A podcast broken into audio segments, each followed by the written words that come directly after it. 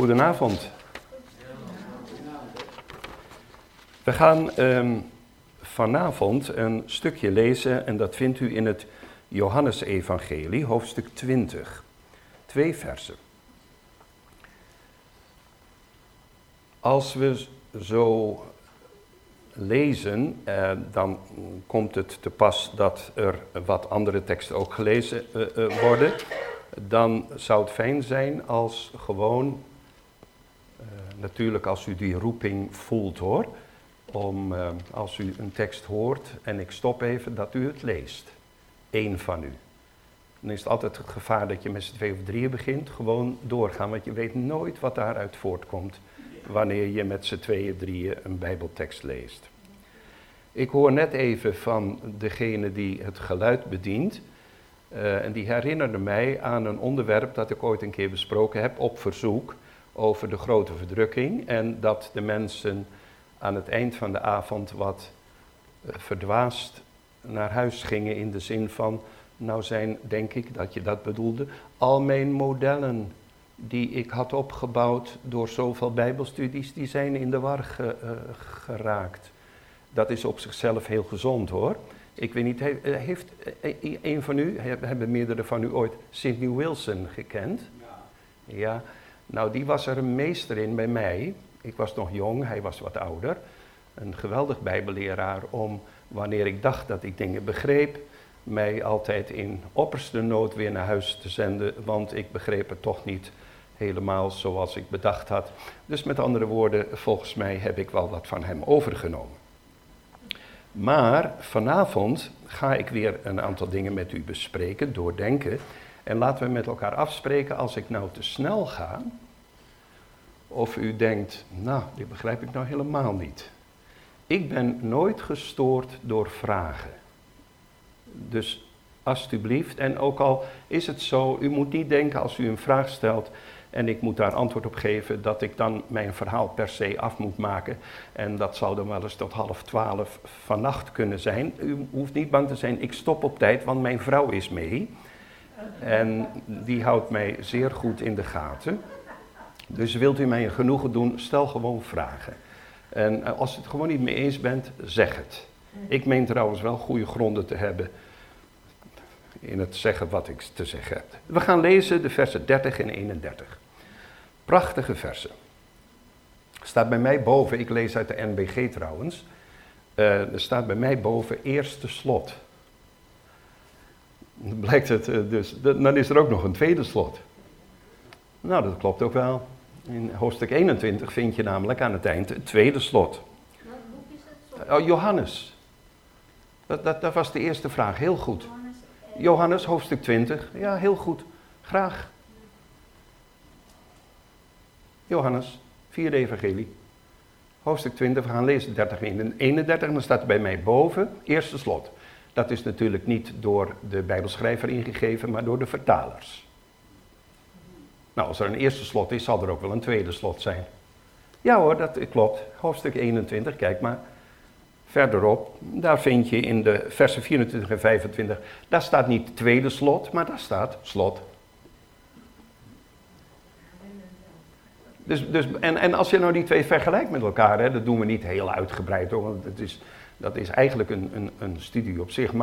Maar, als je die nou met elkaar vergelijkt, dan kom je tot de ontdekking dat die twee, wat zijn het, niet sloten hè, maar slotten, die twee slotten, die lijken heel veel op elkaar.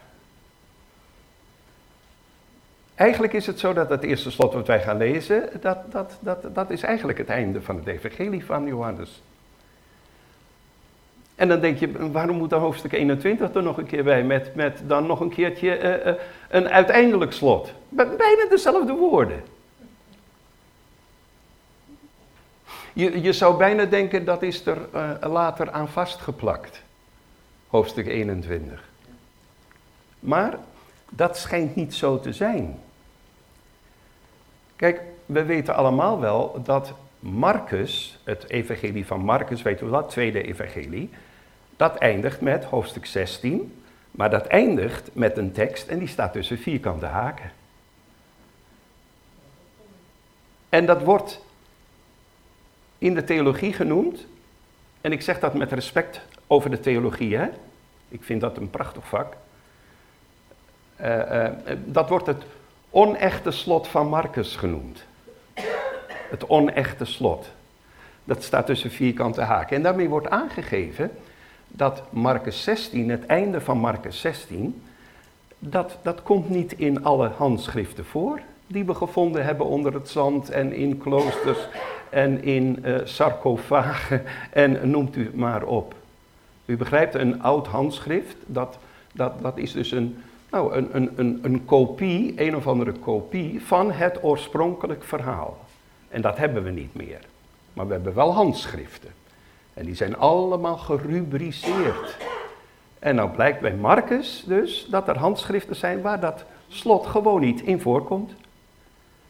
En er zijn ook handschriften, dat zijn latere handschriften, daar komt het wel in voor. Dus men is ervan overtuigd dat dat slot van Marcus er later bijgeschreven is. Hoeveel later, dat is een heel verhaal. Niet, niet honderden jaren, alsjeblieft niet. Nee, waarschijnlijk is dat uh, slot van Marcus erbij geschreven omdat het echte slot of ontbrak of omdat er geen slot was. Zoiets als, want het eindigt dan met, en de vrouwen zwegen. En de vrouwen zwegen. En dan komt het vierkante haak, voor u zo, vierkante haak, en dan gaat het verhaal verder. En uh, er zijn dus theologen die zeggen, nou dat kan nooit met vrouwen dat ze zwijgen. Dus dat moet doorgaan. Maar waar is dan dat echte slot gebleven? Nou, daar zijn dan ook weer verklaringen voor. Nou, de meest zwakke plekken van een handschrift, dat is de boekrol hè. De meest zwakke plekken, dat zijn die plekken waar uh, het een en ander, waar het perkament bevestigd is, waar het, waar, waar het, het, het, het, het velletje van de geit waarop geschreven werd, bevestigd werd aan een stok. En dat waren de meest zwakke plekken. En het kan dus gebeuren dat uh, dat eind gewoon zoek is geraakt. En dat er later, dat het erbij geschreven is, denk ik niet, niet, niet honderden jaren, nee, waarschijnlijk een paar jaar later is dat erbij geschreven, misschien tien jaren, vijftien jaar later. Maar nou komt het, ik had het over Johannes. Bij Johannes kom je bij hoofdstuk 21, kijk maar, kom je geen vierkante haken tegen. Zie je? Kom je geen vierkante haken tegen. Dus uh, dat wil zeggen dat uh, alle handschriften van Johannes, alle hands, die, die, die, die bevatten hoofdstuk 21 ook. En dus zijn theologen, die, die zijn dan met elkaar in gesprek van wat is dan de reden dat er een eerste slot is? En dan nog een nagift? En dan, uh, waarom? waarom? Nou ja goed, daar gaan we het nu, wij gaan het hebben over, u begrijpt het? Hoofdstuk 20, de versen 30 en 31. En misschien is er iemand die dat hardop wil lezen, want het wordt opgenomen en het zou fijn zijn als uw stem ook klinkt. Het wordt ook, hè, een podcast wordt het uit, uh, uitgebracht, hè? Nou, uw stem klinkt dan op de podcast. Nou, als dat geen aantrekkelijke annonce is, gaat u gang. Maar ik heb een hersenen Oh, maar, maar, maar die is bijna net zo goed als de NBG. Wat zeg ik nu? Gaat u gang. Als u wil lezen. Jezus nu heeft in aanwezigheid van zijn discipelen nog wel veel andere tekenen gedaan die niet beschreven zijn in dit boek. Maar deze zijn geschreven opdat u gelooft dat Jezus de Christus is, de Zoon van God. En dat u door te geloven het leven zult hebben in zijn naam. Heerlijk hè? Mooi hè? Mooi hè? Ja. Ja, ik, ik, ik wil graag een, een, ehm, een, een paar dingen uit deze tekst als inleiding met u doornemen. Er staat, Jezus heeft nog wel vele andere tekenen voor de ogen van zijn discipelen gedaan. Nou, ben ik zo langzamerhand gewend om teksten langzaam te lezen. Vroeger verslond ik kilometers, maar ik lees tegenwoordig heel aandachtig. En als ik aandachtig lees, kom ik tot de slotsom dat het toch wel heel merkwaardig is om het zo te zeggen. Je kan ook zeggen, Jezus heeft nog wel vele andere tekenen voor zijn discipelen gedaan. Maar er staat heel uitdrukkelijk expliciet voor de ogen van zijn discipelen. Voor de ogen van zijn discipelen. Met andere woorden, de nadruk wordt gelegd op, op het zien. Ze hebben het zelf gezien. Nou, Johannes, naar wij aannemen, de schrijver van dit evangelie, is, wanneer hij dit schrijft, al vrij oud. Dat moet wel iets geweest zijn trouwens, als je met twaalf discipelen bent, zoveel hebt meegemaakt, en de een na de ander sterft. En in die tijd was dat vrijwel altijd uh, gewelddadig aan waar het de apostelen betreft. Naarmate ik ouder word, kan ik mij beter voorstellen hoe de situatie voor Johannes is. Hij is, naar wij aannemen, de laatste overgeblevene, al vrij oud. Hij woont in Efeze. Daar is hij herder van de gemeente. Daar schrijft hij en daar maakt hij nogal wat dingen mee. Hij maakt onder andere mee dat mensen beweren, en dat zijn mensen niet vanuit het oorspronkelijk geloof, maar die komen, die komen zijwaarts binnen en die komen met al hun filosofieën ook binnen. Uh, vanuit Griekenland hadden we filosofieën, geloven. En onder andere het geloof, zoals je dat tegenwoordig ook tegenkomt. Praat er maar eens over. En misschien bent u wel die mening toegedaan. Nou, dood is dood, Jezus is wel opgestaan, maar dat is geestelijk. Maar Johannes heeft met zijn eigen ogen meegemaakt wat Jezus gedaan heeft. Dat heeft hij zelf gezien. Het gaat dus om een letterlijke persoon en zijn naam is Jezus. En als je ook goed kijkt naar de omgeving van dit hoofdstuk, dat neem ik maar even als voorbeeld, dan moet je eens opletten in hoofdstuk 20, dit is het einde. Je moet eens opletten in hoofdstuk 20 als je dat leest, hoe vaak dat woordje zien tevoorschijn komt. Ik ga gewoon een stukje voor u lezen. Moet u luisteren. Gewoon, gewoon, gewoon even. Zo. Ik hoop dat het u opvalt. Zo mooi. Ik lees het niet helemaal, want het kost te veel tijd. Maar, maar daar gaat hij. Hoofdstuk 20, vers 1. En op de eerste dag van de week, welke dag is dat voor ons? Dat is zondag, ja. Ik zal later nog een keer zeggen, uh, en dat zeg ik niet om te strijden tegen, maar om men uit te spreken voor.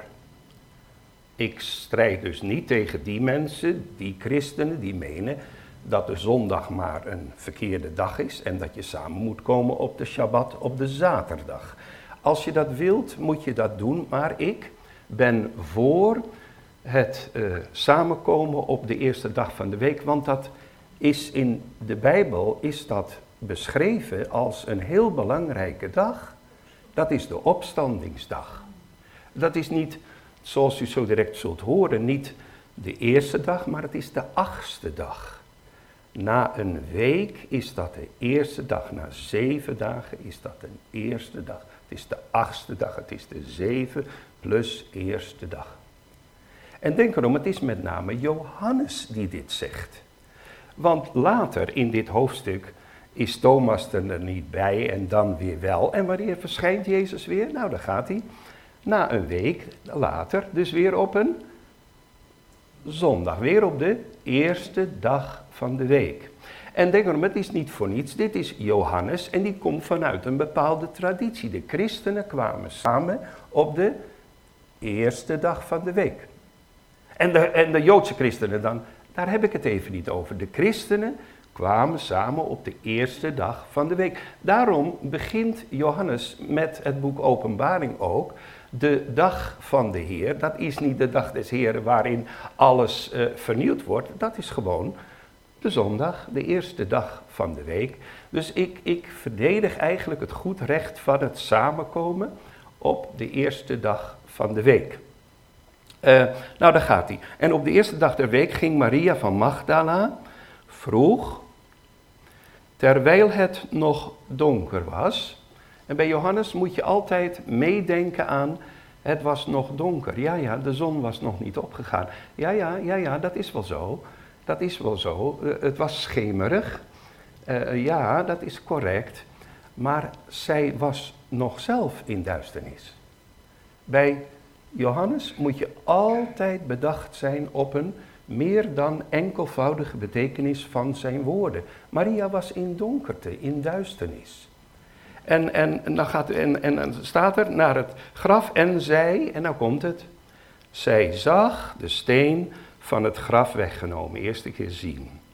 Eindings kwam ze dan bij Simon Petrus en bij de andere discipel, die Jezus liefhad, en zeide tot hen, zij hebben de Here weggenomen uit het graf en wij weten niet waar zij hem hebben neergelegd. Ziet u wij, ziet u wij, wij weten niet. Eh, sommige mensen, dat zijn critici van de Bijbel, maar die lezen meestal niet goed. Die zeggen, nou hier heb je alleen Maria en uh, elders in de Bijbel staat dat het meerdere vrouwen waren. Ja, maar Maria wordt alleen maar genoemd, maar er staat toch duidelijk en wij weten niet. Je moet lezen, je moet niet snel kritisch zijn. Je moet leren te lezen. Dus het is Maria en zij is de hoofdpersoon van dit verhaal.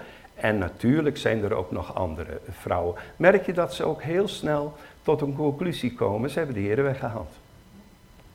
Ja, dat klopt. Als je wel ziet, maar verkeerd ziet, omdat je in duisternis bent. Dat, dat is de boodschap van Johannes. Nou, dan gaan we verder. Petrus dan ging op weg en ook de andere discipel. En u begrijpt dat die andere discipel, die noemt zijn naam niet, maar dat is Johannes. Johannes is jonger trouwens dan Petrus en dat zul je zo direct merken. Die is echt jonger, heeft ook een beter uithoudingsvermogen. Dat gaat meestal met je leeftijd samen. En, uh, en zij begaven zich naar het graf en die twee liepen samen snel voort. En de andere discipel liep vooruit, sneller dan Petrus. Ja, was ook jonger. En kwam het eerst aan bij het graf en zich vooroverbuigend, let op, zich voorover. Hier hoor ik het verschil van karakter. Johannes is jonger, is er het eerst, maar die blijft aan de rand van het graf staan. Zag, zie je dat? Zag hij de linnen winsels liggen. Hij ging echter niet naar binnen. Simon Petrus dan kwam ook, hem volgende, en je hoort hem hijgen en hij ging het graf binnen. Eh, dat is een ander karakter. Is dat erg? Nou, reken er maar mee dat als je samen optrekt, dat je verschillend van karakter bent. En uh, dat, het zij zo. Hem volgende. En hij ging het graf binnen en zag, zie je dat weer? En zag de winsels liggen, maar de zweedoek die op zijn hoofd geweest was, zag hij niet bij de winsels liggen, doch opgerold terzijde op een andere plaats. Waarom nou dit allemaal? Waarom nou? Nou, om duidelijk te maken, dit is geen grafroof. Dit, is niet, uh, dit zijn geen rovers die zich uh, de klederen, de winsels uh, eigen maken, want die, die waren kostbaar. Dit, dit, dit, dit is iets heel anders. Hier, moet iets aan de hand zijn, maar men is nog in duisternis. ze zagen, maar. En, en, en hiermee wil Johannes eigenlijk dit zeggen: Je kunt zien en toch niet zien. Denk maar, want deze jongens die zien veel meer dan wij ooit hebben gezien. Nou, gaan we verder lezen. Zag hij niet de winsels liggen, doch opgerold. Nou, dat is toch raar. Opgerold. En uh, terwijl terzijde op een andere plaats. Toen ging ook de andere discipel, die het eerst aan het graf gekomen was, wat is Johannes bezig om zijn naam te verbergen, hè? naar binnen en hij zag het en geloofde. Dus, dus, dus blijkbaar is het zo, het resultaat bij de schrijver, die dus als tweede naar binnen gaat, Johannes, jongere jongen, die ziet het en die gelooft. Bent u met mij eens dat Johannes, zeker, die is in het voordeel op ons, of niet? Zo direct ehm, zal je Thomas tegenkomen. Die heeft het niet gezien en ook niet gevoeld en ook niet geroken. En die zegt, nou ik geloof pas als ik het zie en als ik het voel en enzovoort enzovoort. En, dat, en, niet zeggen van, vreselijk hè die man, die moeten we nou voortaan ongelovige Thomas noemen. Dat is onterecht, want daarmee veroordeel je ook jezelf. Ook wij zijn zo. Come on, laten we eerlijk zijn. Hoe vaak komt dat niet in ons uh, leven voor dat we door het gebrek aan zien dat we in twijfel zijn? Kom nou, dat is toch menselijk of niet? Maar hier staat, en ja, eh, bij Johannes was er, hij zag het, nou en hij geloofde, dat was de resultaat. En dan kun je rustig zeggen, nou Johannes is in het voordeel, maar nou komt het. En dat moet u opgevallen zijn. Want, nou, heel gek, nog een keer. Hij zag het en hij geloofde. Nog een keer, hij zag het en hij geloofde. En nou komt er, nou komt er eigenlijk een verklaring voor, en dat is eigenlijk helemaal niet de bedoeling hoor jongens, dat je het ziet en dan pas gelooft. Want, nog een keer, eh, dat het heel duidelijk is, want anders kan ik niet begrijpen wat hierna komt. Want, waarom moet er een verklaring komen? Die verklaring is, vind ik, heel logisch. Je ziet het. Je ziet het, het zijn geen grafrovers. Je ziet het dat het netjes opgerold is. Je ziet het dat hier iemand is die heeft afscheid genomen van die klederen, die doodsklederen. En van die zweedoek. Heeft hij netjes neergelegd. Zoals je in een logeerkamer de boel achterlaat. Schoon en enigszins gerangschikt. Waar of niet? Dat doe je toch? Als, uh, als, als, als, goede huurder. Zo, zo was dat met Jezus. En Johannes die ziet het. Petrus niet. Peter ziet het ook, maar die komt niet tot die conclusie. Uh, uh, Johannes ziet het en gelooft. Maar daar moet blijkbaar voor Johannes zelf, voor Johannes zelf, op latere leeftijd moet daar een verklaring voor komen. Want, en die een van, excuus hoor dat dat bij mij zo was. Want hij leefde op latere leeftijd met mensen die niet hadden gezien. En toch moest geloven. Toch tot geloof kwamen. Daarom was hij ook aan het praten. Daarom verkondigde hij ook. Hij was een apostel. Hij was een herder. Hij was een leraar. Hij was een pastor. Oh, geweldig. Maar die, die mensen hadden dat niet meegemaakt. Hij wel. Dus in feite schrijft hij dit. Ik zag het en ik geloofde. En dan excuseert hij zich. Er zijn er twee die lopen naar het graf. En de ene is Petrus, waarvan ik zei, die is wat ouder. En Johannes is jonger. Dat is die, Johannes noemt niet zijn eigen naam. Dat is een soort zich terugtrekken van. Uh, tegenwoordig is de schrijver heel belangrijk. Hè? Schrijver, een nieuw boek van. Maar vroeger was die schrijver helemaal niet belangrijk. De boodschap was belangrijk. Dus hij noemt zichzelf de andere discipel. Dat is Johannes. Nou, en, en, en, en, en nou staat er, nog een keertje. Uh, hij zag en hij geloofde. Dus Johannes zegt eigenlijk van zichzelf: Ik zag het en ik geloofde. En dat gaat razendsnel. Dat, dat, dat kan niet. Dat, dat is iemand die vertrokken is uit de doodskleden. Heeft de band netjes achtergelaten. En is elders. Hij is opgestaan. Nou. En dan gaat hij zichzelf excuseren. Voor de mensen van later. Voor wie hij schrijft. Voor ons dus. Want zij. Nou, en zegt dus maar Petrus en ik kenden de schrift nog niet. Dat hij uit de doden moest opstaan. En daarmee wordt dus bedoeld, die jongens die gaan dus nog een heel proces, hè? Mee eens? Denk erom, die geschiedenis is nog lang niet klaar hoor. De ontmoeting met Jezus is nog helemaal niet geweest. Dat gaat Johannes nog vertellen. Maar, maar hij excuseert zich van ja, ik zag het en toen geloofde ik. En jullie, die ik nu verkondig, die, jullie zien niet. En toch geloven. En dat gebeurt anders. Dat gebeurt anders. Dat gebeurt door naar het getuigenis van ons, dat een, dat een getuigenis met onze eigen ogen is, met onze handen, om dat te horen. En dan blijkt dat dat woorden zijn door ons heen van God gesproken. En God die komt met dat woord mee. Oh, in het begin was het woord en het woord was bij God en het woord was God. Oeh, wat is dit mooi. Wat is dit mooi. Dus met andere woorden, in de prediking, in het lezen, in het voor jezelf hardop lezen. Denk erom, in de Bijbel is deze altijd hardop. Uh, dan hoor je als het ware de woorden van God die God tot je spreekt. In het woord woont God, woont Jezus. Komt het woord tot je, dan komt Hij tot je.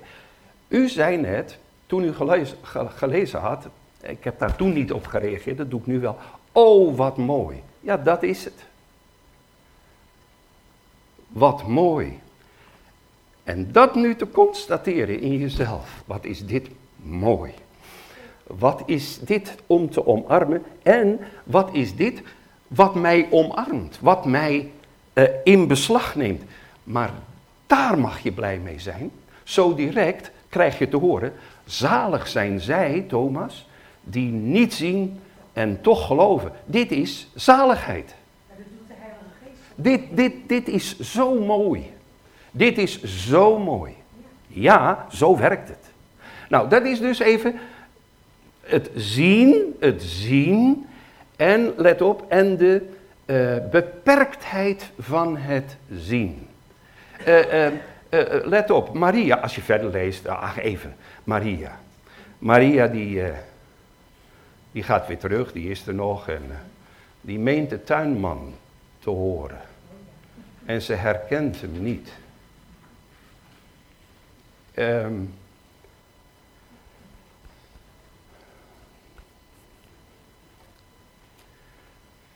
als je, um, als het, als het, als het Pasen is en de predikant staat met zijn handen in zijn zak te vertellen over de opstanding van Jezus Christus, kan je beter even weglopen uit de kerk.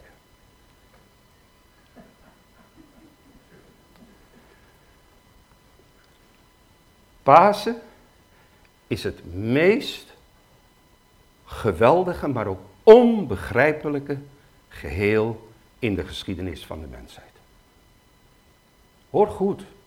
Natuurlijk gelooft een heel groot deel van Israël dat er een algehele opstanding der doden komt. Waarin er meningsverschil is over, zullen de rechtvaardigen alleen opstaan of staat iedereen op? Daar is meningsverschil over geweest. En niet zeggen van nou ik weet wel hoe het zit, Geloof nou even, daar is meningsverschil over geweest. Uh, maar dat er iemand als eerste zou opstaan en dat daarna de algehele opstanding zou plaatsvinden, dat is, dat is onbegrijpelijk. Dat, dat, daar, daar, daar, daar hebben de discipelen, we hebben het toch gezien dat hij stierf. Daar hebben ze nooit rekening mee gehouden. Bovendien geloofden ze wel dat hij de Messias was. Maar een Messias in het Jodendom, in Israël, die kan helemaal op die manier niet sterven. Dan is het een mislukkeling. Kom op, dan is het gewoon een mislukkeling. En nu ineens, met dat verhaal van Maria, lopen ze naar het graf en Petrus weet het niet en Johannes die ziet het en die die gelooft, wat hij gelooft dat staat er niet bij. En Maria die is nog in duisternis, terwijl de zon al lang op is. En die hoort uh, uh, de tuinman en die ziet die tuinman en die herkent het niet. En daarmee, en natuurlijk dit is een historisch gegeven, dat heeft Maria later verteld, zo was het. Maar denk erom daarmee om dat te benadrukken, en Johannes is de enige die dat zo benadrukt, wordt duidelijk gemaakt dat opstanding is niet iets dat je in je zak hebt en zegt, nou ik zie het wel zitten. Opstanding is en continuïteit. Het is dezelfde Jezus die ze kende voor de kruisiging. Maar die is opgestaan. Het is dezelfde Jezus en toch is het totaal anders. Er is een factor die voor hen totaal niet vatbaar is. En daarom lees je bij bijvoorbeeld Matthäus dat ze zijn op de berg en dan nemen ze afscheid van Jezus. Na de opstanding nemen ze afscheid. En Jezus zegt, zie ik ben met je. En, en, en, en, en eh, ga heen en, enzovoort. En ik ben met je. En dan staat er notabene ze aanbaden en sommigen twijfelden. En daarmee geeft de Bijbelschrijver elke keer weer aan. Denk erom dat je niet denkt dat je het foefje door hebt. Dit is een onvoorstelbaar, uniek gegeven.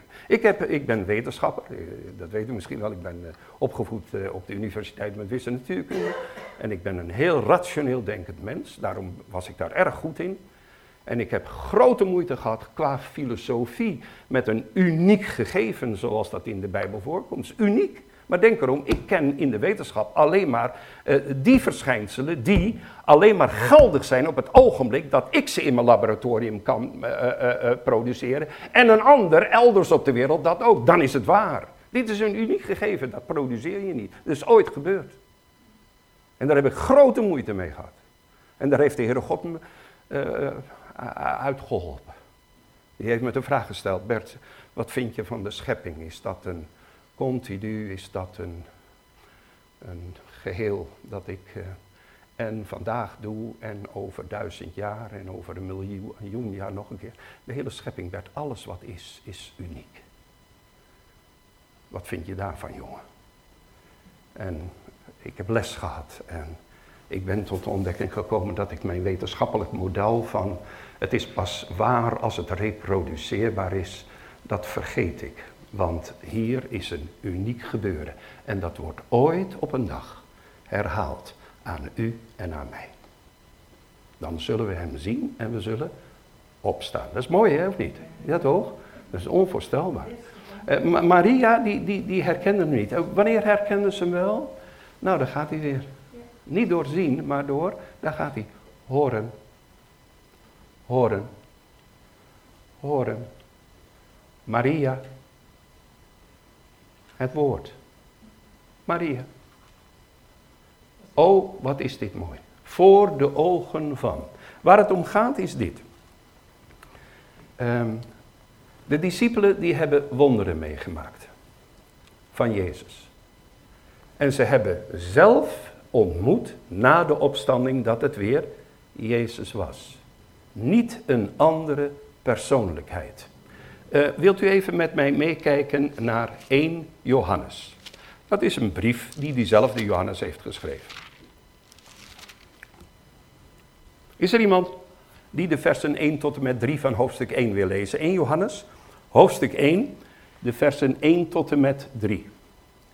Is er iemand die dat luid wil uh, lezen? Heel graag. Hetgeen was van den beginnen, hetgeen wij gehoord hebben, hetgeen wij gezien hebben, met onze eigen ogen, hetgeen wij aanschouwd hebben. Stop eens, stop eens. Dit is toch overdreven taal, of niet? Ja, maar daarmee wil Johannes iets duidelijk maken. En niet zomaar iets blauw hinein, maar, maar dat komt omdat het ontkend werd. Er werd gezegd, die Jezus, ja dat is allemaal wel goed en wel, maar die bleef achter op het, op het kruis. Die is dood. Die is weg. Wat er opgestaan was, dat is de Christusgeest. Dat is geestelijke opstanding. En, en denk dan, hebben wij daar als christen nou iets van meegekregen? Zo'n zo rare tik of niet? Ik ben van mening van wel. Want wij zijn met z'n allen in ons spraakgebruik zo ver gekomen. En dat is ook wel logisch, want we hebben een hele geschiedenis van onze vader, die hebben het ons dat geleerd. Als we maar naar de hemel gaan. Nou, ik zal u vertellen, dat is niet het eindpunt. Dat is niet het eindpunt. Naar de hemel gaan, dat wil zeggen, bij Jezus zijn, als je sterft, bij Hem zijn, is niet het eindpunt. Is niet het einddoel. De hemel komt op aarde. De hemel komt op aarde. Er is opstanding, er is lichamelijke opstanding. God geeft zijn schepping niet prijs. Wij doen dat wel. Wij rotzooien maar aan, maar God niet. Er komt een tijd, en uh, dat heb ik wel eens gezegd hier zo, en dat spreekt mij heel erg aan, uh, omdat ik natuurkundige ben. Uh, denk aan, er is in de natuurkunde een begrip, dat is entropie. En dat begrip entropie, die waarde entropie S, die, die kan variëren van 0 tot 1. 0 is het allereerste begin van de schepping, 1 is het eindpunt, dan is alles uitgedoofd. Dan is de zon niet meer bestaand, dan is alle energie is weg. Eén egale, grijze, levenloze massa. Dat is entropie is één. Denk erom, dat vertelt de wetenschap u ook. De wetenschap vertelt u hoe lang de zon nog bestaat. En, en, en dat in de loop van de tijd die zon gaat uh, kleiner worden en dan wordt, die, uh, dan wordt de aarde opge, opgegeten en, enzovoort enzovoort. De schepping is vergankelijk, maar Romeinen 8, er komt een dag dat God de schepping van buitenaf nieuw leven zal inblazen. Denk erom, God valt niet samen met de schepping, dat doen de afgoden. De afgoden vallen samen met de schepping. Nee, God valt niet samen met de schepping. God is schepper. Die kan van buitenaf bekijken naar zijn maaksel. En God zag dat het goed was. Het was goed. Het was zeer goed.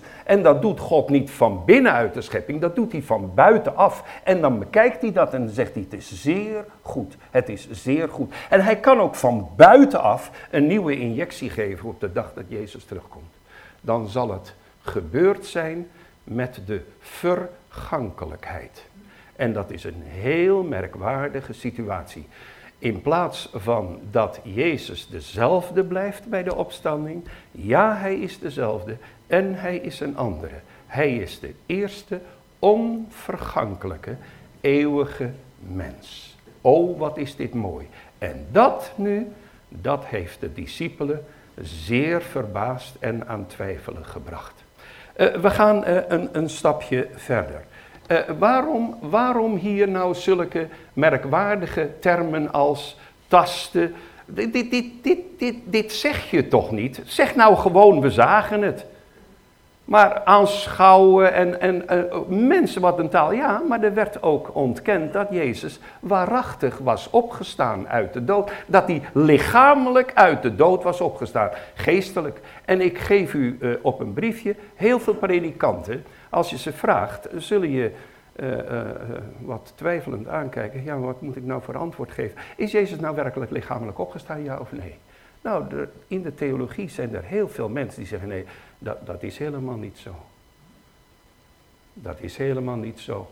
Dat lege graf, dat is een latere anekdote. Die is uitgevonden door de discipelen. Nee, weet je met wie er wat gebeurd is op Pasen? Niet met Jezus, maar met de discipelen. Die kwamen tot een nieuw verstaan van zichzelf. Het was een existentiële ervaring. En later zijn ze de verhalen gaan schrijven over de opstanding. Alleen degenen die dat zeggen zitten in grote verlegenheid, want luister goed. Als je dat dan later geschreven hebt om de massa te overtuigen dat Jezus waarachtig is opgestaan, dan ga je toch geen verhalen houden dat sommigen twijfelden en dat Maria hem niet herkende, dan maak je daar een sluitend verhaal van. Dit is ooggetuigenverslag. En als je wil duidelijk maken via een later verhaal dat Jezus waarachtig is opgestaan, laat je dan vrouwen de belangrijkste getuigen zijn?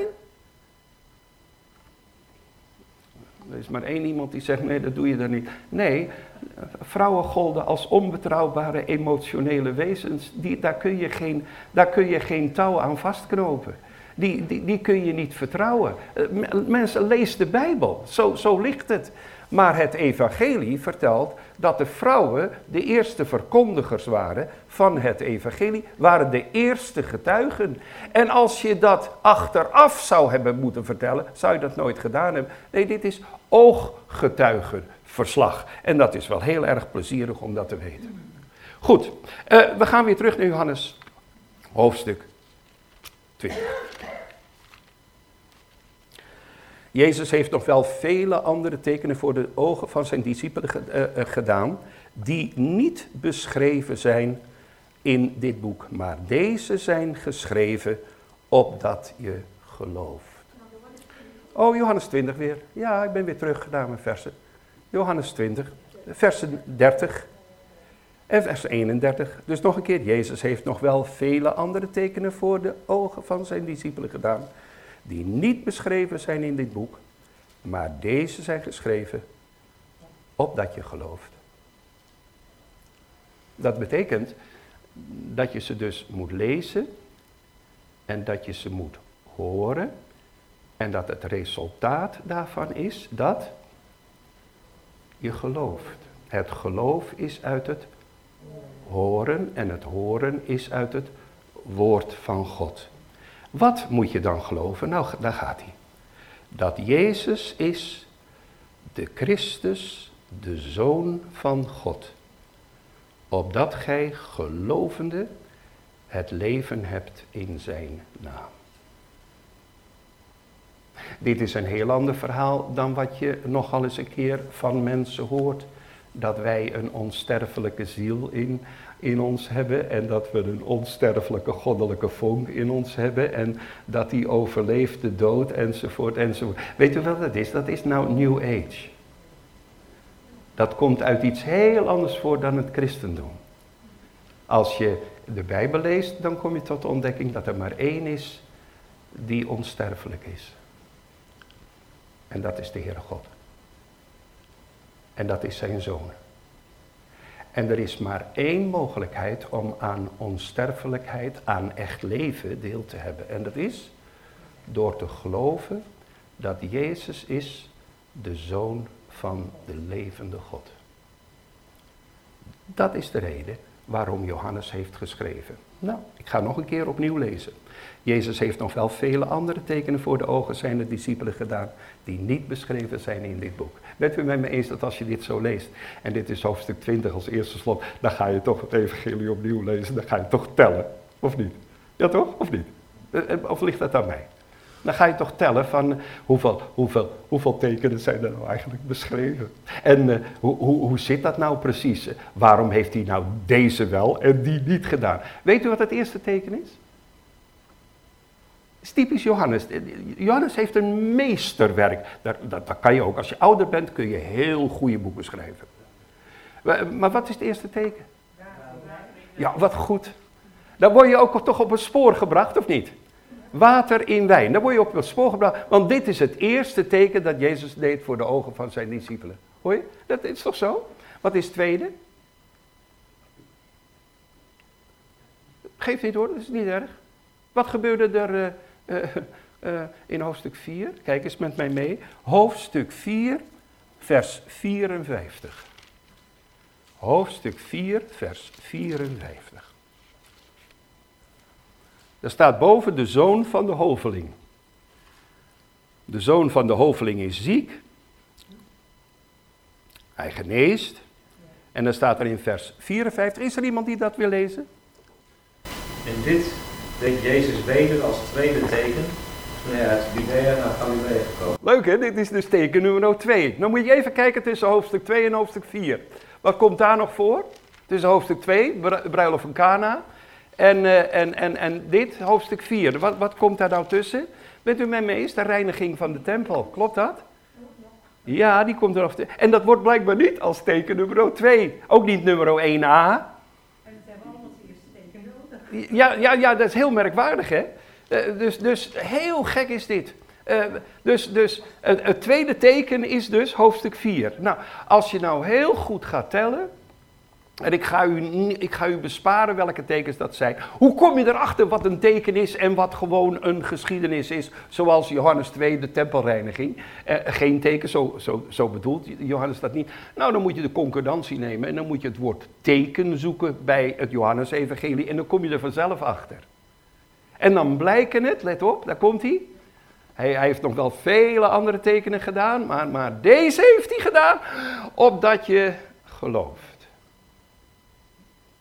Die moet je horen en, en, en, en dan kom je tot de conclusie dat Jezus is de Zoon van God. En als je dat gelooft, dan, nou, dan, dan heb je leven, dan heb je echt leven.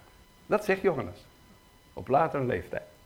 Nou, dan blijkt het, uh, blijkt het totaal uh, te zijn 7 plus 1 teken. En dan moet ik niet zeggen 8, niet, niet zeggen 8, 7 plus 1. En, en daar baseert Johannes zijn hele evangelie op. Op 7 plus 1 tekenen. Niet 8, 7 plus 1. En ik ga u alleen maar de laatste twee tekenen, ga ik u noemen. En de rest, dat moet u zelf maar uitzoeken met een concordantie. Als u dat leuk vindt, als u zegt, nou dat spreken we nog totaal niet aan. Nou, gewoon niet doen. Mij wel. Ik, ik vind dat gewoon leuk om dat na te zoeken. Wat heet nou wel een teken en wat heet nou niet? Nou, bijvoorbeeld de, genezing van die blindgeboren, dat is ook zo'n teken. Maar, maar, maar het zevende teken, en nou begrijpt u het wel, het zevende, zeven, zeven is voor Johannes heel belangrijk. Dat is heel belangrijk voor hem. De, de, de schepping gemaakt in zeven dagen. Dat begint, dat begint op de eerste dag van de week en dat is de zondag. Voor ons de zondag. Een, een heel naarheidens woord. Het hoort te zijn Jezusdag of opstandingsdag of Heerdag. Maar daar kan ik verder niks aan veranderen. Maar het is de zondag. Dat is de dag waarvan Johannes heel goed weet. En daarom begint hij ook in, Genesis, in Johannes 1 met in de beginnen was enzovoort. Hij vertelt het anders. Maar hij heeft heel duidelijk Genesis in, in de gaten. Alleen hij vertaalt het verhaal van Jezus. Hij, hij, hij zegt, denk om, ik heb het over een persoon en dat is een mens. Dat is een mens. Maar hij was, en hij werd aangekondigd door Johannes. En die was notabene zes maanden ouder dan Jezus. En toch was hij voor Johannes. En hij was ook voor Abraham. Hij was bij God en hij was God. Dit is heel lastig. Dit is niet te begrijpen. Daarom moet je dit gewoon lezen, hardop. En dit omarmen en omarmd worden door die geschiedenissen. Dat er één persoon is geweest die met een, met een, met een oorsprong, wel Matthäus zegt het anders, ontvangen uit de Heilige Geest. Maar Johannes die zegt het zo. Zondag, dat is toch die eerste dag, dat is de dag waarop klonk. Jehior, er zij licht. Waar Jehior en er was licht. Dat is de eerste dag van de week. Denk erom, dat herhaalt zich in, in, in, let op, Maria in duisternis. Maria in duisternis. En dan klinkt haar naam. Maria. En het licht gaat op. Het licht gaat op. Dan wil ze Jezus pakken en nooit meer loslaten. Maar dat is niet de bedoeling, dat zien en tasten. Daar kun je niet bij stil blijven staan. Het gaat om iets anders. Dat is geloof en dat is een wonder op zich. En wees maar heel zalig als dat in je leven aanwezig is. Wees maar heel gelukkig. Dat is een voorrecht. En dat weet je maar al te goed als je mensen het geloof wil geven, op wil dringen. Je merkt er moet iets gebeuren aan iemand om. Zo mooi. Nou, dat is de eerste dag. En dan de tweede dag, ja toch? En dan de derde dag. En dan heb je ook nog de zesde dag, ja toch? In de namiddag wordt de mens gemaakt. In de namiddag. Hij heeft net zijn ogen open en dan moet hij zijn ogen weer dicht doen. En dan moet hij slapen en dan is de volgende dag, dat is de rustdag. En dan rust God en dan moet de mens ook rusten. Hoe? Schemering naar ze toe. Dan is er iets gebeurd. En dan moeten ze ook meteen uit het paradijs. Dat is heel merkwaardig. Nou, uh, dit heeft Johannes allemaal in zijn gedachten. En alles wat Johannes wil vertellen, dat is ondergeschikt uh, aan, aan dit verhaal van die 7 plus 1.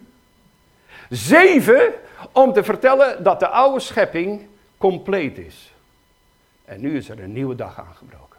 Wat is dan dat zevende, laatste teken dat hoort bij die oude schepping? Wel, dat is het sterven van Jezus. Dat is het sterven van Jezus. Op welke dag is dat van de schepping? Dat is de zesde dag, dat is de dag van de mens. Het is ook de dag waarop Pilatus uitroept. Vlak voordat Jezus wordt gekruisigd. Zie de mens. Het is een verhaal dat alleen Johannes heeft. Die wil duidelijk maken dat op de vrijdag, dat wij noemen Goede Vrijdag, de zesde dag, dat daar iemand als de laatste Adam, de laatste vertegenwoordiger van dat menselijk geslacht, die staat daar en dan is, is het opmerking, zie de mens. Nou inderdaad, Dat hebben we met elkaar ervan gemaakt. En dan uh, in de middag, en dat is heel merkwaardig. Dit is, want Johannes die laat ook alles, hij, hij, hij vertelt 7 plus 1. En alles moet gehoorzamen bij hem aan die, aan, aan die 7 plus 1. En dan zeggen wij als Westelingen van de 21ste eeuw, nou dat is niet de juiste volgorde. Heb je wel eens opgemerkt dat Johannes volgordes verandert? Johannes die begint in Johannes 2 met de tempelreiniging. Dat, dat, dat die andere drie synoptici die zeggen dat, dat dat gebeurt aan het eind van Jezus' leven. Nee, Johannes die vertelt, Jezus is vanaf het allereerste begin dat hij optreedt het lam gods dat de zonde der wereld wegneemt. Als hij de tempel binnengaat, als hij de tempel binnengaat, dat lees je in Johannes 2, dan verdrijft hij alle offerdieren. Alles. Dat vertelt geen enkele andere evangelist. Johannes vertelt het. Als hij de tempel binnengaat, dan is het gebeurd met de dienst binnen de tempel. Dit is lastig hoor mensen, dit is heel lastig. Ik ben ervan overtuigd als je, als je, als je in bepaalde kringen bent, dan kan ik dit niet zonder onderbreking zeggen. Maar daarna is er ook een gesprek. Daarna is er een gesprek. Het heil is uit de Joden. Wij weten waar er aanbeden moet worden, maar er komt een tijd dat het niet meer gaat om een bepaalde plaats en op een bepaalde manier. Maar de Vader die zoekt ware aanbidders. In geest en waarheid. En tot die ontdekking kom je ook in hoofdstuk 20 op het ogenblik dat Thomas zo ver komt. Dat is het eindpunt. Dat hij neerbuigt voor Jezus en uitroept iets wat totaal onmogelijk is voor het Jodendom. Mijn Heer en mijn God. Waar is de tempel des Heren? Waar woont hij?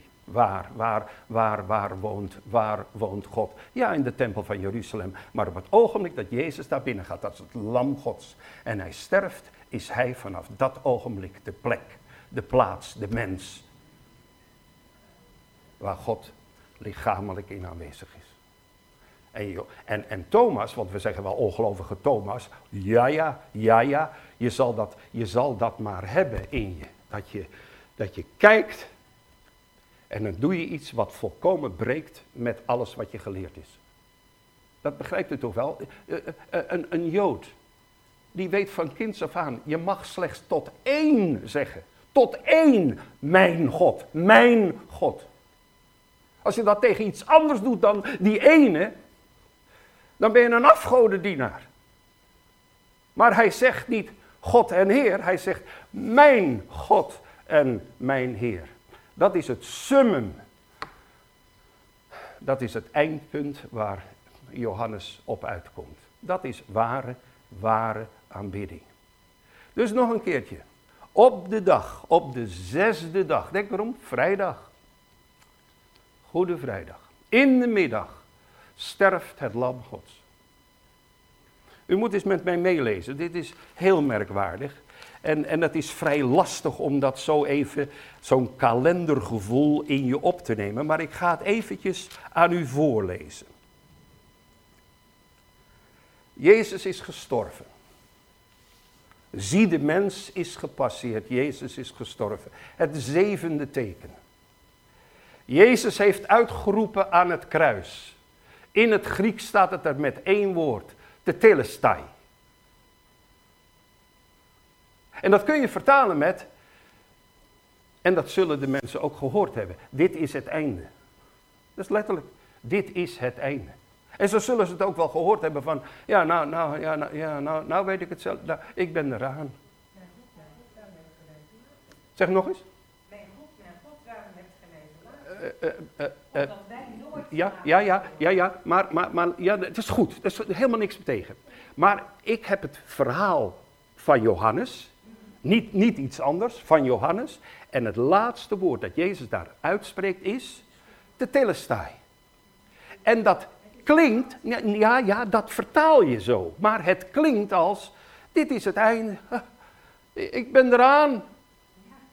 En zo zullen de omstanders, waaronder de apostelen, als ze er waren, zullen het zo gehoord hebben. Alleen, de vertalers hebben door, er is een andere betekenis. En Jezus heeft dat anders bedoeld. Het is volbracht. Oftewel, de hele rotzooi van zeven dagen schepping. Van al de hele geschiedenis van Israël en de mislukking van de volkeren enzovoort. Het is allemaal door hem, zie de mens, gedragen en weggedragen. Het is volledig. Dat is de vertaling die je kunt kiezen. Maar dat hoeft niet. Dat hangt er vanaf hoe je kijkt. Jezus zegt, het is volbracht. Ik heb het ten einde gebracht. Het lam gods dat de zonde der wereld wegneemt. Paulus die zegt het zo in 1 Korinthe. Hij is de, hij is de laatste Adam. Hij sluit iets af. En nou komt het. Het volgende teken is het achtste. Nee, het zevende plus eerste. Oftewel, het eerste teken, het zondagteken van een nieuwe scheppingsdag. Pakken we dit? En dat is opstanding. Dit is zo'n meesterlijk werk dat Johannes hier aangeeft. Ik, ik ga nog eventjes iets, iets lezen, want daar was ik mee bezig. Daarna vroeg Jozef van Arimathea, na, na de dood van Jezus, in Johannes 19, vers 38. Daarna vroeg Jozef van Arimathea, een discipel van Jezus, maar in, een verborgen uit, maar in het verborgen uit vrees voor de Joden aan Pilatus het lichaam van Jezus te mogen. Ja, nee, ik, eh, ik lees hoofdstuk 18. Zij, hoofdstuk 18, zij brachten Jezus dan van Caiaphas naar het gerechtsgebouw en het was vroeg in de morgen. Doch zelf gingen zij het gerechtsgebouw niet binnen om zich te verontreinigen, maar om het paascha te kunnen eten. Zie je het? Hoofdstuk 18, vers 8. Dit is vrijdagmorgen. Vrijdag vroeg in de morgen. Wat staat er nog te gebeuren? Vrijdag in de avondschemering wordt het paascha van de Joden gegeten. Pakken we dit? Wat gebeurt er smiddags om een uur of drie? Dan worden de lammeren geslacht. Dat is het stervensuur van Jezus. En dan is de grote vraag, wanneer vieren wij het avondmaal? Wij vieren met elkaar het avondmaal op, net als de Joden, op vrijdagavond. Maar dan is Jezus al in het graf. Pakken we dit? Dit is lastig hoor. Dus ik ga het nog een keer zeggen. Ik heb hier gelezen. De Joodse uh, leiders die zeggen, ik ga niet Pilatus gebouw binnen, want dan ben ik onrein en dan kan ik vanavond niet het paas gaan eten. Dit is op vrijdagmorgen. Op vrijdagmiddag in de tempel worden de lammeren geslacht en sterft Jezus op Golgotha.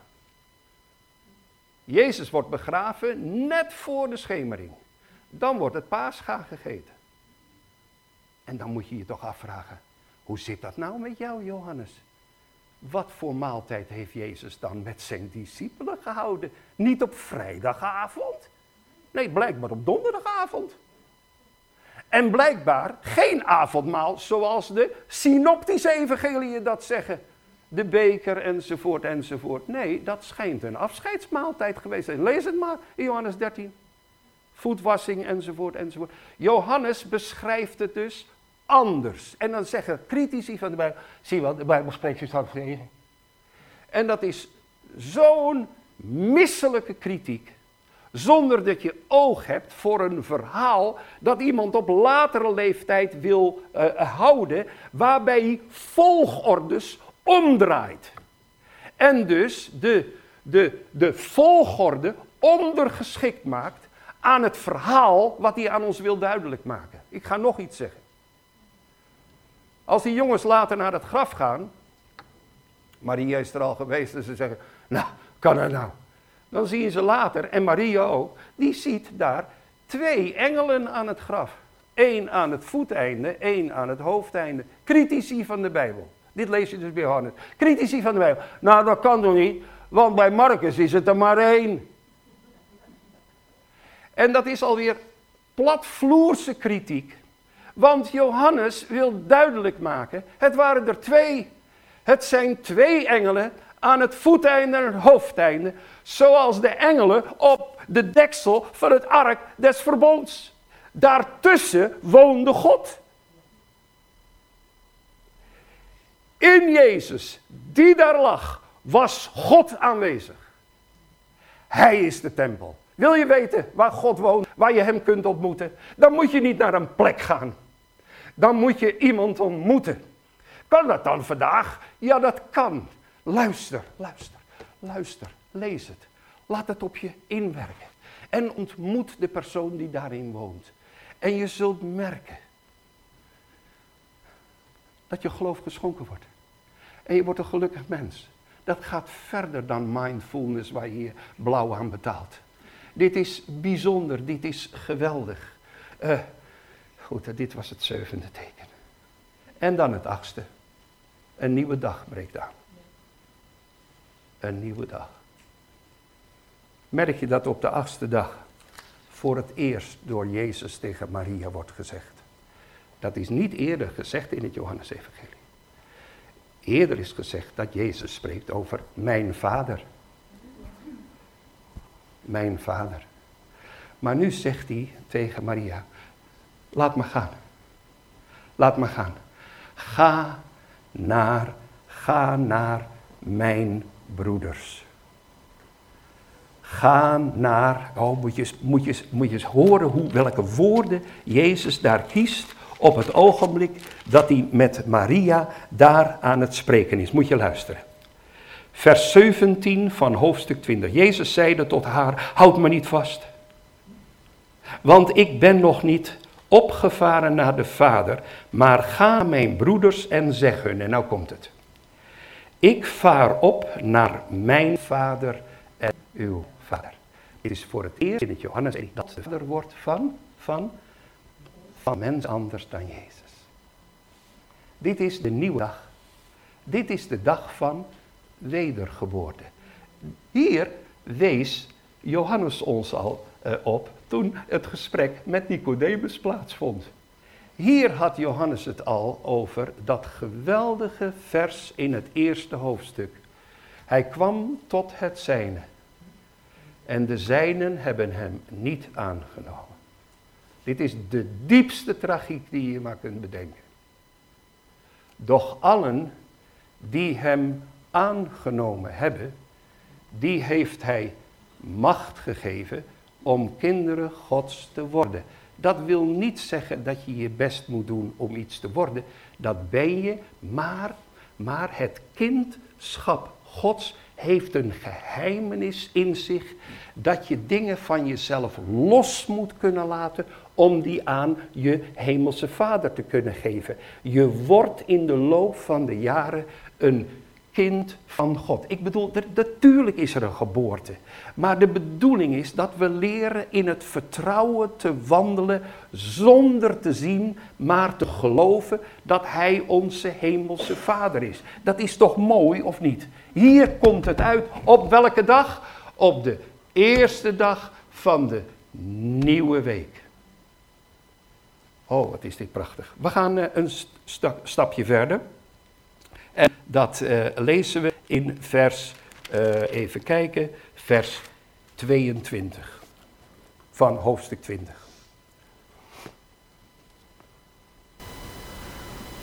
En na dit gezegd te hebben, blies hij op hen en zeide tot hen, ontvang de Heilige Geest, die gij hun zonde kwijtscheldt die zijn ze kwijtgescholden. Die zijn, en wie gij ze toerekent, die zijn ze toegerekend. Op welke dag is dit?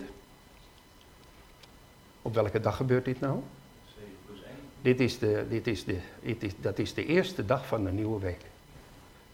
Dat is de eerste dag die is aangekondigd met uh, ga nou naar, uh, ga nou naar mijn broeders en vertel over mijn vader en jullie, jouw vader. Dat is mooi hè? Met andere woorden, uh, de mens is uh, nieuw gemaakt, is geboren. Dit is, dit is nieuwe schepping. Maar bij een nieuwe schepping van de mens hoort iets, namelijk Genesis. En God blies zijn adem in de mens. En aldus werd de mens een levend wezen. En dat gebeurt ook hier. Ik heb vroeger altijd Ik zit, uh, ik zit een beetje rationeel in elkaar. Ik heb altijd bij mezelf gedacht, hoe kan ik nou zoiets wat hier gebeurt, het blazen, het blazen van Jezus op de, op de, op de discipelen, hoe kan ik dat nou in, in een relatie brengen met datgene wat Lucas allemaal zegt? En ik ben laatstelijk uh, al een tijd tot de ontdekking gekomen, jongens, dit moet je niet doen. Dit moet je niet willen. Hier vertelt Johannes op zijn eigen manier dat een mens die gelooft in Jezus wordt beblazen door God.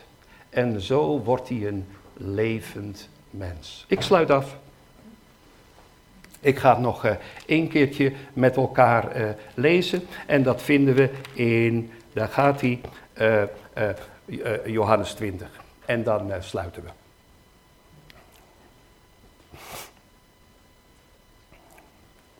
vers 24. En dan lezen we helemaal door tot en met 29. Is er iemand die dat wil lezen? Graag. En dan onderbreek ik misschien af en toe. En Thomas, een der twaalfen, genaamd Didymus, was niet met hen toen Jezus daar kwam. De andere discipelen dan zeiden tot hem, wij hebben de Heer gezien. Maar hij zeide tot hen, Indien ik in zijn handen niet zie het teken der nagels en mijn vinger niet steken in de plaats der nagels en mijn hand niet steken in zijn zijde, zal ik geen zins geloven. En na acht dagen waren ze... Even hè, even hè, ik onderbreek je even. Hebt u wel eens geprobeerd om met iemand te praten over Jezus en heeft u wel eens geprobeerd om, uh, gewoon niet aan een kerkganger, maar aan, hoewel dat kan je ook doen, maar gewoon aan iemand die je op straat tegenkomt. Jezus is waarlijk opgestaan. lichamelijke opstanding. bent u wel eens tegengekomen dat mensen. U, u bent toch niet uitzonderlijk? Ik bedoel, ik kom tegen dood is dood. Ja, dag. Ja, dag. Ik wil wel geloven, maar dag. Kent u dat of niet? Dit, dit, dit, is, dit is Thomas. En is dat gek? Nee. Nee, dat is niet gek toch?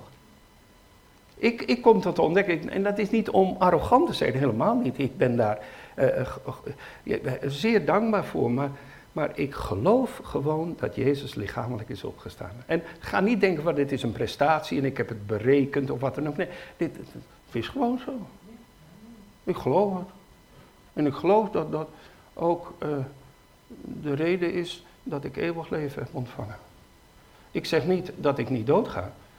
Maar ik, ik, ik geloof met alles wat in me is dat als mijn laatste adem uitgeblazen is, dat Gods geest in mij door blijft ademen. Dan mag ik stralen naar de Heer. Ja, hè? Maar dat, dat kan, hè? Dat kan, dat kan ik ook vertellen van, van, van, van een aantal mensen die ik ken. Echt, dit is, dit is, dit, dit, dit is zo, dit is, ja, ja, en dat is nou zaligheid. Ja, verdrietig voor degenen die achterblijven. Ja, en, maar dat geeft troost, ja. Ja, dus dit wat Thomas hier, niet zeggen van, oh, oh, die Thomas. Dit, is, dit kom je tegen, ook vandaag nog. En als je eerlijk bent, moet je gewoon zeggen, daar heb ik ook moeite mee. Denk erom, jongens, Jezus was dood. Echt dood. En hij stond op uit de dood. Daar gaat het hier over. Lees eens hoor. Ja, na acht dagen. Wat leuk hè, dat hij dat vertelt. Hè. En dan zeg je, nee dat kan niet, hè, want zondag na acht dagen is dan de volgende maandag. Nee, nee, nee, nee. Nee, in het Jodendom tellen we inclusief. Dus acht dagen is gewoon over een week voor ons. Niet, niet, niet, niet zo kritisch. Of wel kritisch zijn, maar even uh, goed weten hoe het zit. Dus de volgende zondag, ja, ga eens verder. En na acht dagen waren zijn discipelen weer in het huis en Thomas met hen. Jezus kwam terwijl de deuren gesloten waren. hij stond in hun midden en zeide, vrede zijn. Ja, ja. Waarom nou? En toen de deuren gesloten waren, ja. Het is dezelfde Jezus. En, maar blijkbaar die beperkingen, eh, materieel die voor ons gelden bij een dichte deur, die gelden voor hem niet. Dat deed hij trouwens ook op die andere dag. Hij kwam ook, ze zaten binnen en ineens eh, zegt hij, vrede zij u. Dan schrik je wel moet u eens doen uh, met iemand die heel stil zit en heel zachtjes binnenkomen en dan zegt vrede, zei u, moet je kijken wat dat betekent. Dit is, dit is ook grappig bedoeld. Dit is onvoorstelbaar wat hier gebeurt. Hier wordt een mens gewekt tot nieuw leven. Ga eens verder. Daarna zeide hij tot Thomas, breng uw vinger hier en zie mijn handen. En breng uw hand en steek die in mijn zijde. En wees niet ongelovig, maar gelovig. Thomas antwoordde en zeide tot hem, mijn Heer en mijn God. Ja, je, je, je leest het daar uitstekend. Maar ben je het met me eens dat wel de vraag is, hoe, hoe, hoe, hoe heeft zijn stem nou geklonken, hè? Hoe, hoe, want je leest het zo. Ja, ja, ja, nou, nee, het is gewoon helemaal niet, we hoeven het niet na te doen. Als we maar ons realiseren dat uh, dit is anders dan een leesstem. Hoe, hoe, wat voor houding heeft hij aangenomen? Heeft hij, heeft hij beseft, heeft hij beseft dat hij afscheid neemt van alles wat hij in het Jodendom heeft geloofd? Denk erom, hier wordt Jezus als God aanbeden. Dat is hetzelfde als in Matthäus. Daar zegt Jezus, zie, mij is gegeven alle macht in de hemel en op de aarde. Mensen, dit kan geen mens zeggen.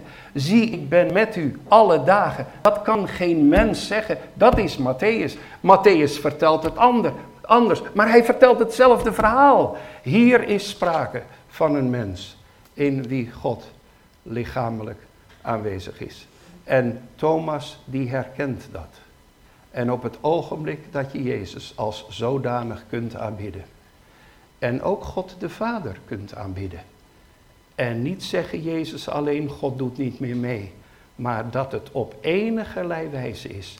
Vader, Zoon en Heilige Geest. Een wonder en een raadsel. Een voorwerp, een item om niet te begrijpen en te omarmen. Omarmd te worden en te aanbieden. Lees eens verder. Jezus zeide tot hem, omdat gij mij gezien hebt, hebt gij geloofd? Zalig zij die niet gezien hebben en toch geloven. Ja, tot zover. En dat, uh, daar komen wij voor in aanmerking.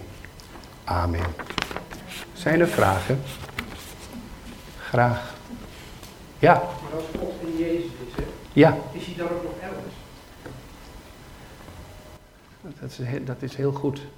Um, hoe, hoe is dat? Um, Jezus gaat naar de hemel, waar dat ook is. Australië die kant op. Met de hemel. De hemel is niet ver weg. Als Jezus naar de hemel gaat, maakt hij geen uh, luchtreis in de zin van, kijk, hij wordt steeds kleiner, nou komt een wolk en nou zien we hem niet, net zoals dat een, een vliegtuig dat gebeurt. Jezus die gaat in in de heerlijkheid van God en stapt in de dimensie van God. En hij is op de troon. Hij is mens, hij is nog steeds mens. Zou je dat kunnen zeggen, maar ik wil eindigen met, Jezus laat zijn geest na. En het is zijn geest, het is de geest van de Vader en de Zoon, het is de geest die op enige wijze, en vraag me niet hoe, ik kan het alleen maar ervaren, die is alom tegenwoordig. Dus als Jezus zegt, zie je, ik ben met u alle dagen tot aan de voleindige wereld. Jezus is mens. Daarom kun je hem ook zien.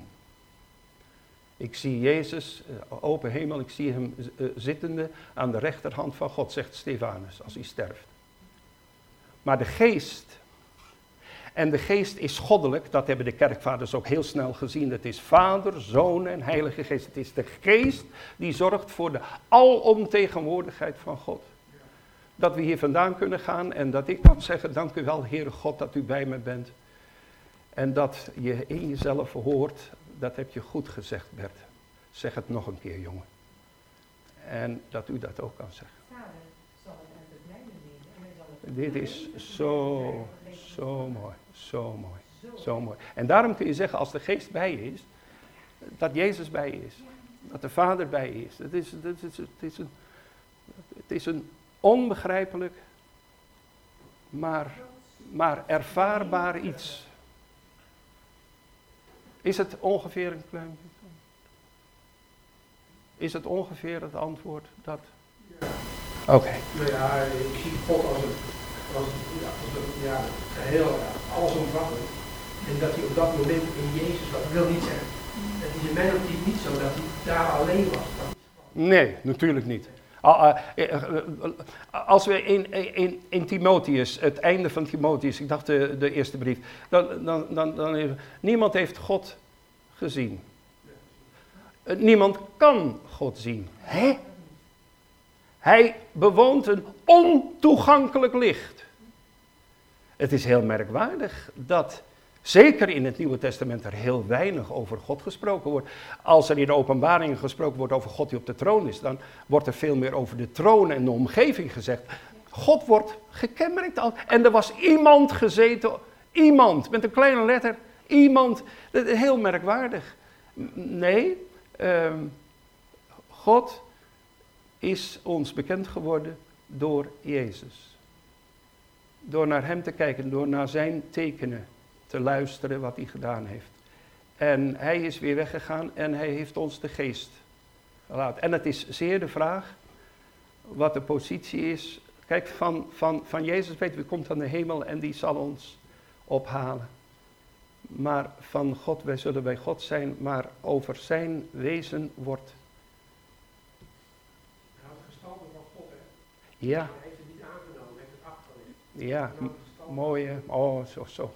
Hij heeft het goden gelijk zijn, hij heeft het goden gelijk zijn niet geroofd. Het was zijn eigendom, maar hij heeft het afgelegd, ja. Ja, mooi hè. Mooi. Johannes die zegt het zo. Ja Jook, je hebt gelijk, het is tijd, je hebt gelijk. Het komt door die meneer hoor, daar hoor Jook. Het is, het is zijn schuld. Eh, maar maar zo hè, eh, in de beginnen was het woord. En dan alle dingen zijn door het woord geworden. En zonder dat is niets geworden dat geworden is. En voor dat geworden wordt eh, gebruikt het woord eh, in het Grieks egeneto. En nou is het mooie dat eh, de wet is door Mozes gekomen, gegeven. De genade en waarheid, wordt er dan vertaald, zijn door Jezus Christus gekomen. Maar dat gekomen is hetzelfde woord egeneto. De genade en waarheid zijn door Jezus Christus geworden. Eh, we lezen daarvan, de Joden weten het ook van. Maar wat Jezus heeft gepresteerd aan genade en waarheid, dat gaat alles te boven. Wij zullen, wij zullen, Johannes zegt dat, wij zullen hem, en we zullen hem zien gelijk hij is en we zullen hem gelijk, gelijk wezen, ja. Ja, overigens, ehm, even, ter, niet ter correctie hoor, denk erom hoor, alsjeblieft niet. Maar in Efeze hoofdstuk 1 ehm, zegt Paulus het een en ander over in hem, in hem, in hem, in hem. En dan heeft hij het voortdurend over wij, ons, onze. Lees maar in hoofdstuk 1. En denk erom, dat lezen wij niet zo makkelijk, want wij zijn altijd wat imperialistisch als heidense gelovigen. Maar dat gaat over de Joden. En dan pas in vers 13 van hoofdstuk 1 zegt hij, in hem zijt, en dan komt het, ook gij. En dan spreekt hij de Efeziërs aan. En dan maakt hij duidelijk, denk erom, de tussenmuur is weggebroken. Het is samengekomen, maar hij is wel heel mooi, hij vertelt eerst wat God aan Israël heeft beloofd. En dat Christus allereerst voor Israël is gekomen. En als je nou niet al te veel schreeuwt, heiden, en eh, de Joodse eh, vaderen wegtrapt, dat je dat niet doet, dan geldt het ook allemaal voor jou. Romeinen 9 tot en met 11. Want wij hebben wel iets wreeds in ons. Mooi hè? Mooi hè? Ja, keurig. Zijn er nog meer opmerkingen? Ondanks het feit dat mijn vrouw heeft aangegeven, je moet stoppen, maar eh, u mag dat trotseren. Alhoewel, ik kan u vertellen, dat valt niet mee. Oh, maar heel graag. Ja, heel graag. Eh, Zullen, kunt u, al- als u het op kunt brengen, kunt u staan? We geven elkaar nu geen hand. Dat is niet goed. Op grond van corona. Die tijd komt ook wel weer terug hoor. We gaan bidden. Vader, dank u wel dat u hier bent. En dat eh, uw hand en uw aanwezigheid voelen dat dat helemaal niet iets is van heel ver weg, maar dat u hier gewoon bent. En dat het, we heel eenvoudig weer kunnen zeggen tot u, Wij nodigen u uit om woning te maken in ons. Met uw volheid. En alles wat niet in ons thuis hoort, in ons denken, in of waar dan ook.